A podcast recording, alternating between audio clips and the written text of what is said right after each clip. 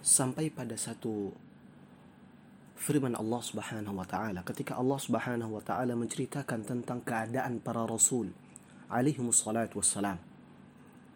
Ketika mereka sudah bertahun-tahun berjibaku dalam dakwah ilallah mereka mengajak kaumnya untuk menyembah Allah untuk menjauhi kesyirikan sampai pada keadaan Rasul ini sudah berputus asa dari keimanan kaumnya.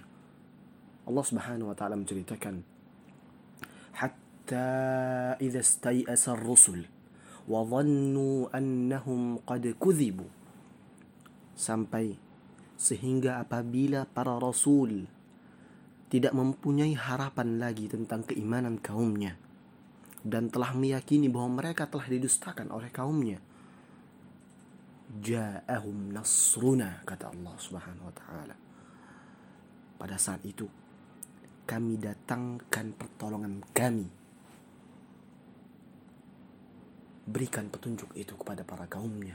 Pertolongan Allah Subhanahu wa taala itu datang. Di saat para rasul sudah merasakan ketidakberdayaan dalam berdakwah.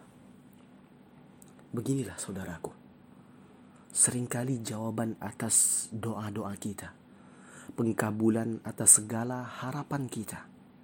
Allah Subhanahu wa taala berikan di saat hati kita sudah hampir roboh dalam berharap.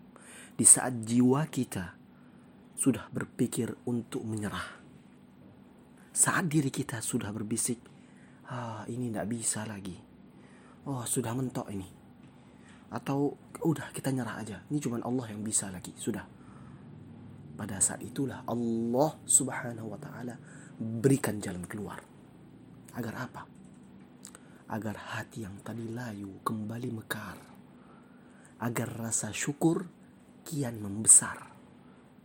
Maka saudaraku jangan berhenti dalam berharap. Bahkan di detik-detik terakhir yang secara logika manusia sudah tak ada lagi harapan. Kita punya Allah Al-Aziz Al-Qadir Al-Qadir yang maha kuasa pasti bisa merubah dalam sekejap mata. Al-Aziz yang maha bijaksana pasti tahu kapan waktunya. Maka sabar. Sabar mainkan saja porsi kita sebagai seorang hamba.